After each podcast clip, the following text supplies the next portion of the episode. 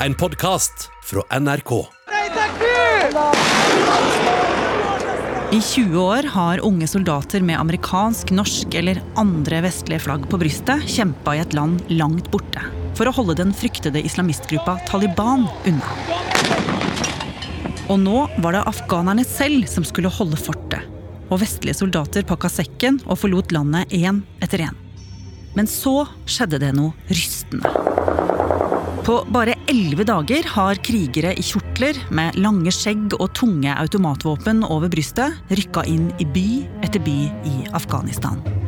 Taliban fighters have now captured two more key cities. Taliban har inntatt presidentpalasset i Kabul i Afghanistan. Very serious news.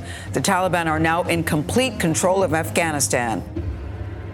Alt har rakna. Men hvordan havna vestlige soldater i dette fjellandet i utgangspunktet? Og hva var det som ikke gikk etter planen?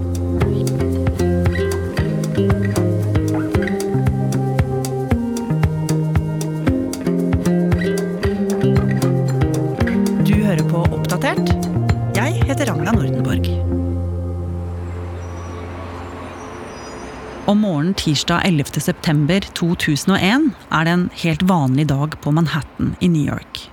Folk er på vei til jobb, og sola skinner. Men plutselig skjer det noe som skal snu hele verden på hodet.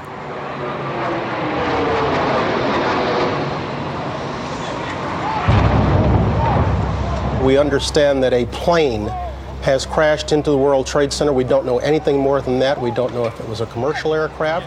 Over hele verden kan folk skru på TV-en og se livebilder som viser røyk som velter ut av den over 400 meter høye bygningen. Og mange tror først det er en forferdelig ulykke. Men så skjer det. So you have no idea right, right Oh, there's now? another one. Another plane just hit. right. Oh my God! Another plane has just hit. It hit another building. Flew right into the middle of it. Oh oh my goodness, there's another one. This seems to be on purpose. Now it's obvious. I think we have a terrorist act of proportions that we cannot begin to imagine at this juncture. Det var jo et eh, sjokk. Dette var jo et terrorangrep som eh, varte i flere timer. Som man kunne følge nærmest fra minutt til minutt, og det gjorde vi også. Eirik Veum er utenriksjournalist her i NRK. Og det viste seg jo fort at det dreide seg om et terrorangrep som Vesten aldri hadde sett maken til, der noen hadde kapret vanlige passasjerfly for å så dundre dem inn i ikoniske amerikanske bygninger, der det befant seg enorme mengder mennesker. Og det var jo faktisk nesten 3000 mennesker som ble drept i dette angrepet. Og ganske raskt så kom jo amerikansk etterretning på sporet av de som sto bak. Ja da, det tok eh, bare noen timer før eh, amerikanske myndigheter pekte på konkret en organisasjon. Terrornettverket Al Qaida. Og hvem var det? Al Qaida var et eh, terrornettverk bestående av det vi kaller ytterliggående islamister. Dette var personer som ønsket å opprette et såkalt kalifat, altså en islamistisk stat hvor man styrte etter bl.a. sharialover. Strenge religiøse sharialover. Al Qaidas fiende, det var Vesten. Vestlige land. Kanskje først og fremst USA og Israel, men også alle andre land, som Norge, som de mente var på lag med, med USA eller Israel. Og eh, de ville bruke alle metoder i den krigen. De ble ledet av en person som kalte seg Osama bin Laden. En saudiarabisk, søkkrik sjeik, eller sjeiksønn. Og han opererte fra et land som lå langt borte, nemlig Afghanistan. Og bare noen uker seinere, den 7. oktober 2001, sendte president George W. Bush amerikanske soldater opp i kampfly for å gå til angrep i Afghanistan. This is not, however, just America's fight. And what is at stake is not just America's freedom. This is the world's fight. This is civilization's fight. This is the fight of all who believe in progress and pluralism, tolerance and freedom. Perhaps the NATO Charter reflects best the attitude of the world. An attack on one is an attack on all.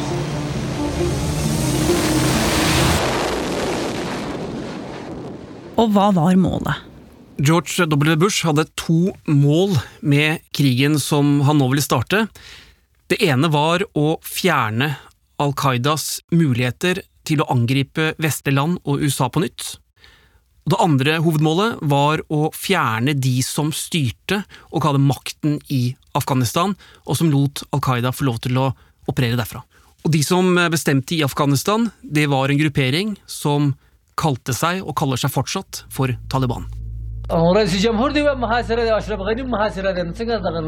Hva er Taliban, og hva vil de med Afghanistan?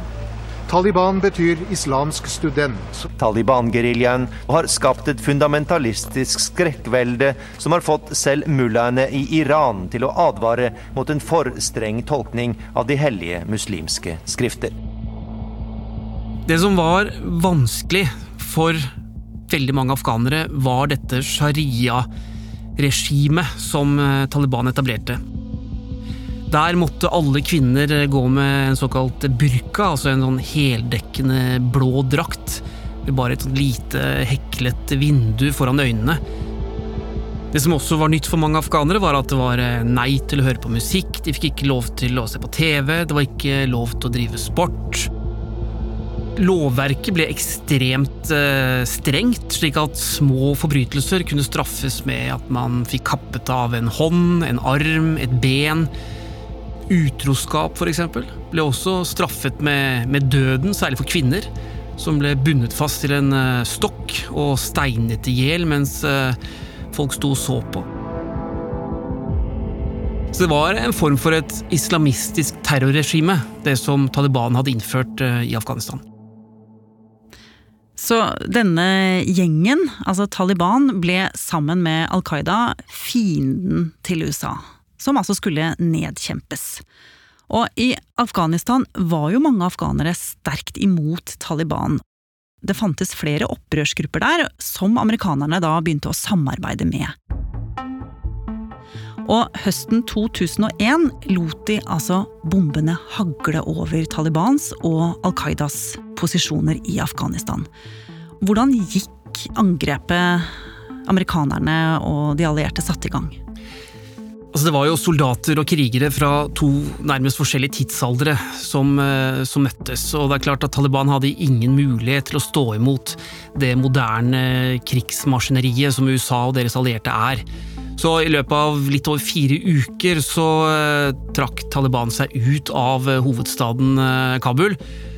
Og det står jo ut som at denne krigen hadde gått veldig bra for USA og deres allierte. Det var jubel og feiring i gatene i Afghanistans hovedstad Kabul i formiddag, etter at Nordalliansen hadde rykket inn i byen i de tidlige morgentimene. Bortsett fra triumfen erobrerne ga uttrykk for, var gleden naturlig nok størst blant innbyggere som har opplevd det hardhendte Taliban-styret som et åk. Så dette så jo egentlig ganske bra ut. En ny midlertidig regjering ble satt inn i Afghanistan, og planen var jo at dette skulle gå ganske radig unna. Thanks to our military and our allies and the brave fighters of Afghanistan, the Taliban regime is coming to an end. Men så feil kunne man altså ta, for krigen den var bare så vidt begynt. For selv om Taliban forsvant fra hovedstaden, hadde ikke denne gruppa lagt ned våpnene andre steder i landet, og kampene fortsatte. Så nå ble flere andre land med på jakten på Osama bin Laden og kampene mot Taliban og terroristene. De norske spesialstyrkene som nå er underveis til Afghanistan, består av soldater fra Hærens jegerkommando og Marinejegerkommandoen. Norge sender 25 militære hit, spesialtrent på minerydding. Samtidig begynner nå den flernasjonale styrken på 5000 mann å ta form.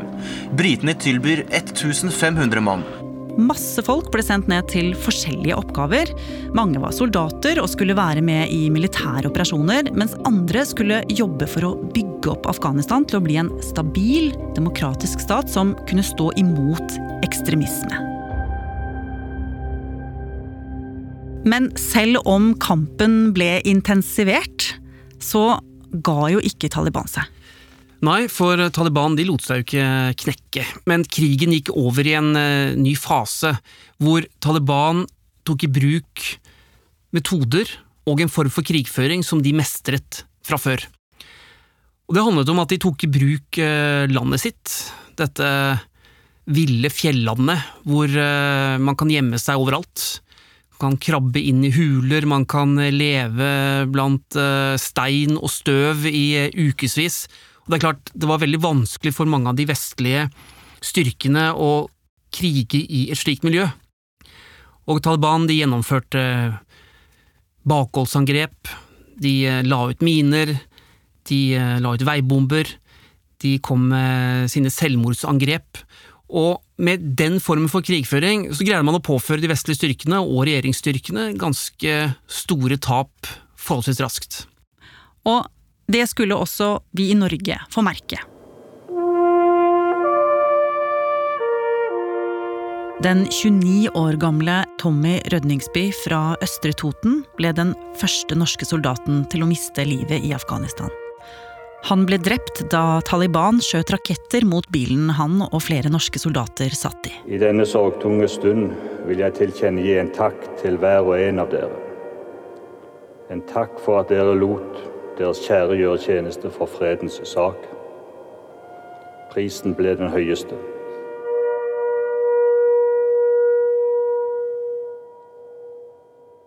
Og mange skulle jo dø i denne type bakholdsangrep.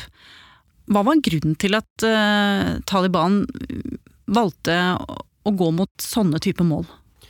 Militært så har det jo ikke så stor effekt, men Taliban valgte jo selvfølgelig å gjøre dette her fordi de så at i disse soldatenes hjemland så hadde slike tap en konsekvens. Og bildene av eh, unge soldater i begynnelsen av 20-årene som kommer hjem i kiste med et norsk eller amerikansk eller britisk flagg over, det har eh, en effekt i det landet. Og etter hvert i Norge så, så vi også at eh, motstanden mot krigføringen i Afghanistan, mot Taliban, den økte etter hvert som stadig flere norske soldater kom hjem drept i en kiste.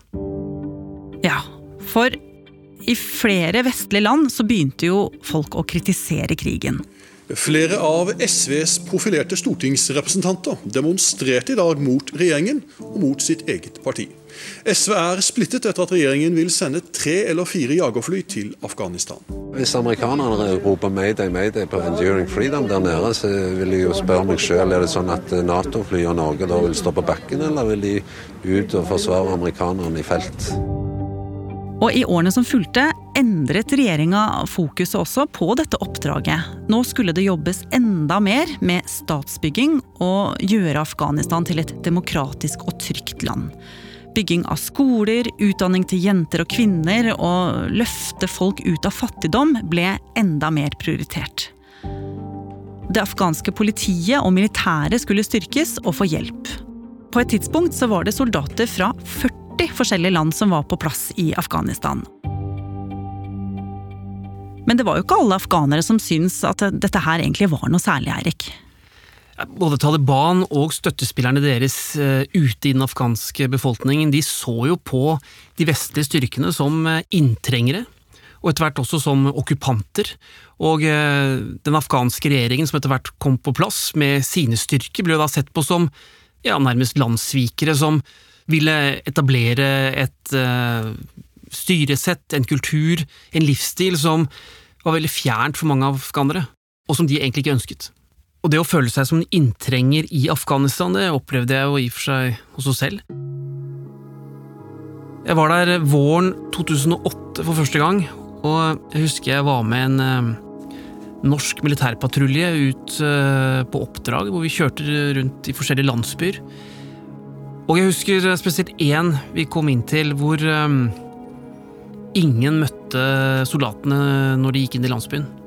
De sto uh, inne i husene sine, eller på avstand, og bare så på oss. Jeg gikk jo sammen med dem, jeg hadde på meg hjelm, jeg hadde på meg skuddsikker vest, og ble sikkert sett på som en del av den styrken. Og jeg husker spesielt én mann som i og for seg sto ganske nærme, og jeg, jeg møtte blikket hans. Og um, Jeg så ikke frykt eller, eh, eller noe sånt. Jeg så bare hat. Der var det ingen som smilte, ingen som hilste, og eh, etterpå tenkte jeg at eh, hvordan i all verden skal de greie å vinne dette folket her? Men samtidig jublet mange afghanere over det vestlige bidraget. Jenter fikk gå på skole, kvinner fikk jobbe, og mange afghanere jobbet også for å bygge opp staten til å bli et stabilt demokrati. Og vestlige styrker hadde begynt å trene opp afghansk politi og afghanske soldater. Men tilbakeskrittene var også mange. Etter hvert begynte det å komme stadig grufulle meldinger om feilbombinger fra USA og de allierte styrkene. Det tok flere timer å grave de døde ut av ruinene. 15 sivile bolighus i landsbyen Asisabad er nå et åsted. Her skjedde en av de verste amerikanske feilbombingene til nå i Afghanistan. Det skal være et sted mellom 76 og 95 drepte. Mange av de døde er barn. Og det var jo slike hendelser som viste mange afghanere at de som skulle komme og hjelpe dem, i stedet drepte dem.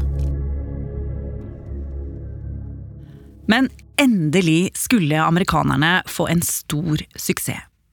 For ti år inn i krigen kom de endelig på sporet av mannen som sto bak hele terrorangrepet 11.9, Osama bin Laden. Han hadde jo nå rukket å bli verdens mest ettersøkte og kjente terrorist. Og det viste seg at han var ikke lenger i Afghanistan. Osama bin Laden befant seg i et tre etasjes høyt hus med murer og piggtråd rundt i nabolandet Pakistan. Og om natta den 2. mai 2011 fløy amerikanske spesialsoldater i helikopter og tok seg inn på eiendommen. I et rom i tredje etasje sto Osama bin Laden med en pistol og et gevær innen rekkevidde. Men det fikk han aldri tak i. I can report to the American people and to the world that the United States has conducted an operation that killed Osama bin Laden, the leader of Al Qaeda, and a terrorist who's responsible for the murder of thousands of innocent men, women, and children. Dette var jo en triumf for amerikanerne og president Obama. Og man skulle jo kanskje tro at nå, nå måtte jo denne krigen gå mot slutten. De hadde jo drept ham som sto bak terroren den 11. september. Ja, og klart for amerikanerne og for de allierte så var dette en viktig operasjon. De hadde nådd målet om å drepe Al Qaidas øverste leder. Men når det gjaldt mål to, som gikk ut på å nedkjempe Taliban, så hadde denne aksjonen eh, ingenting å si. Krigen mot Taliban, den eh, fortsatte. I Afghanistan ble ni personer drept da fire selvmordsbombere fra Taliban angrep en politistasjon i Kabul i dag. En selvmordsbomber sprengte seg i luften i den såkalte grønne landsbyen ikke langt fra flyplassen i den afghanske hovedstaden. En talsmann for opprørsbevegelsen Taliban sier de tar på seg ansvaret for angrepet. President Barack Obama han merket jo på presset både politisk og ikke minst ute i det amerikanske samfunnet på at denne krigen i Afghanistan ble stadig mer upopulær. Ja. Og Obama gjorde det jo klart at amerikanske styrker etter hvert måtte hjem. Og i 2014, altså 13 år inn i krigen, var det endelig den afghanske regjeringen som formelt tok over ansvaret for sikkerheten i landet.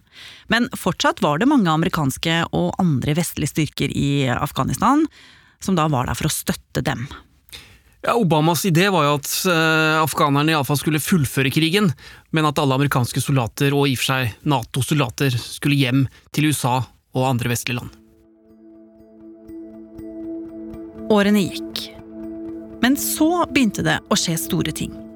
President Donald Trump hadde tatt over og forhandlet en avtale med Taliban om at de amerikanske troppene skulle ut av Afghanistan innen 1. mai nå i 2021.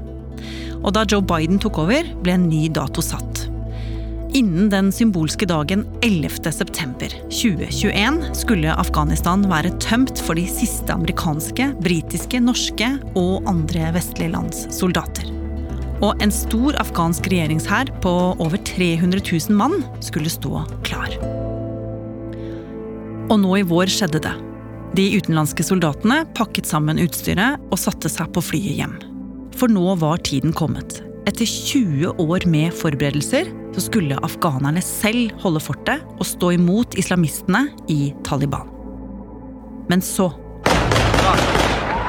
Taliban rykker fram i rekordfart i Afghanistan. Det er veldig mange tusenvis av mennesker som har rømt vekk fra Talibans områder.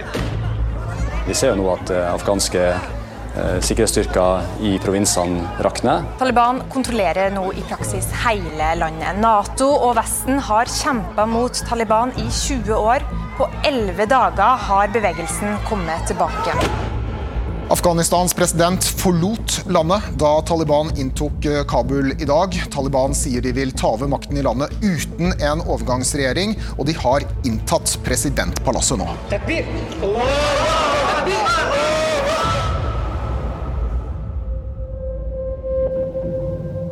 Så det vi så, var at Taliban gjennom de siste dagene satte inn en form for en lynoffensiv. De rykket frem veldig raskt, tok over by etter by, provins etter provins. Og mange av oss trodde etter hvert at de ville møte mye motstand fra regjeringsstyrkene, som i og for seg var langt flere enn Taliban, men det skjedde ikke. Det vi fikk uh, høre, var jo at uh, mange av soldatene de, de, ga seg uten kamp. De tok av seg uniformene, tok av seg hjelmer, la ned våpnene. De bare ga opp. Og mens vi spiller inn denne episoden, så kommer det dramatiske bilder fra Afghanistan, med folk som desperat prøver å komme seg ut av landet. Og midt oppi dette kaoset så er jo du, Yama Wolasmal, Midtøsten-korrespondent for NRK. Kan ikke du fortelle hva du har sett de siste dagene? Det har eh, vært en eh, ekstremt spent stemning i Kabul fra jeg kom. Eh, folk visste ikke hva som skjedde. Eh, man regnet med at eh, Taliban på et eller annet tidspunkt skulle komme inn i Kabul, men så eh, skjer det i går. plutselig får man melding om at Taliban har rykket inn i hovedstaden, og det utløste en fullstendig fullstendig panikkstemning over hele byen. Med en gang de meldingene kom, så løp jeg ut i gatene, og da så jeg at folk begynte å stenge butikkene sine. Eh, og folk begynte å pakke sammen sakene sine. Alle løp hjemover. Jeg snakket med flere folk som bare uten noen plan eh, bare løp bortover gatene. Eh, plutselig var det tett trafikk i alle gatene, for alle tok ut bilene sine og skulle komme seg hjem. Så det var en sånn panikkstemning som preget eh, hele Kabul idet man hørte at Taliban var på vei. Og selv om det jo ikke har blitt kamper inne i hovedstaden, og det faktisk er rolig der nå, så er jo mange livredde for hva de har i vente når Taliban nå har eh, tatt tilbake kontrollen over landet. Og Yama, du er jo på flyplassen i Kabul nå når vi snakker sammen, og veldig mange prøver jo å komme seg ut av landet. Det er den eneste veien ut for veldig, veldig mange tusen mennesker. Kan ikke du fortelle hvilke scener som utspiller seg der? Det er helt ubeskrivelige scener. Vi snakker om minst 5000 sivile som har stormet ut på hele det åpne området på flyplassen, bl.a. rullebanen. De nekter å flytte seg. Eh, så snart man får beskjed om at det kommer inn et militært fly, så setter amerikanske soldater inn bilene sine og, og soldater på bakken til å skyve denne folkemengden vekk, rydde rullebanen sånn at fly kan få lande. Men så har vi sett at så snart det flyet lander og taxer mot der det skal parkere, så løper folkemengden bort og klatrer regelrett oppå militære fly. Og vi har sett hjerteskjærende bilder av afghanere som har klamret seg til militære fly som tar av, og som detter ned mot bakken. Minst fem personer er eh, døde i kaoset på flyplassen i Kabul. Flere tusen mennesker har stormet flyplassen i håp om å komme seg på et fly ut av landet etter at Taliban tok kontrollen. Alt norsk personell tilknyttet ambassaden i Kabul er nå ute av Afghanistan. Det gjenstår fortsatt noen lokalt ansatte og deres familier i Kabul som også skal evakueres. I have never, never felt it to this extent helpless, hopeless, disappointed, poor and miserable in my life. Og Yama, nå spør jo alle seg var alt Vesten har gjort der bortkasta? Altså, dødstallene er forferdelige. Gjennom disse 20 årene med krig så har over 170 000 mennesker blitt drept. Og Ikke bare det, milliarder av kroner har jo blitt brukt på militære operasjoner. Men også på bistand og på det å prøve å bygge opp staten Afghanistan igjen. Har alt vært forgjeves? Spør du afghanerne, så sier de et eh, klinkende klart ja. Eh, de føler seg sviktet, de føler seg forrådt. I den panikken som ble utløst av meldingen om at Taliban har inntatt byen, så rømte alle vestlige hjelpearbeidere, diplomater. De satte seg inn i sine pansrede biler og kjørte i full fart til flyplassen. Og jeg sto ved den veien, og jeg så at afghanere eh, sparket mot bilene til utlendingene, og flere av dem ropte 'kom dere ut', ta med dere pengene deres, dere har ødelagt landet vårt. Så afghanerne føler seg totalt sviktet 20 år etter at uh, utlendingene, de vestlige maktene, ga dem et håp om en bedre fremtid. Og tilbake så står en sjokkert verden som lurer på hvordan i alle dager dette kunne skje. Hva var det verdens beste etterretningstjeneste ikke hadde fått med seg? Hvordan har egentlig Taliban operert? Det skal du få vite mer om i neste episode av Oppdatert.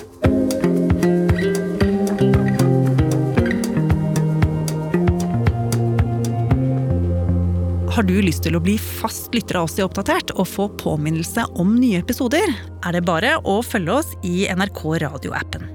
Og så er det veldig hyggelig hvis du vil anbefale oss til en venn. Oppdatert er en podkast fra NRK Nyheter, og denne episoden er laget av Irina Kjelle, Andreas Berge og meg, Ragna Nordenborg. Knut Are Tornås er redaksjonssjef.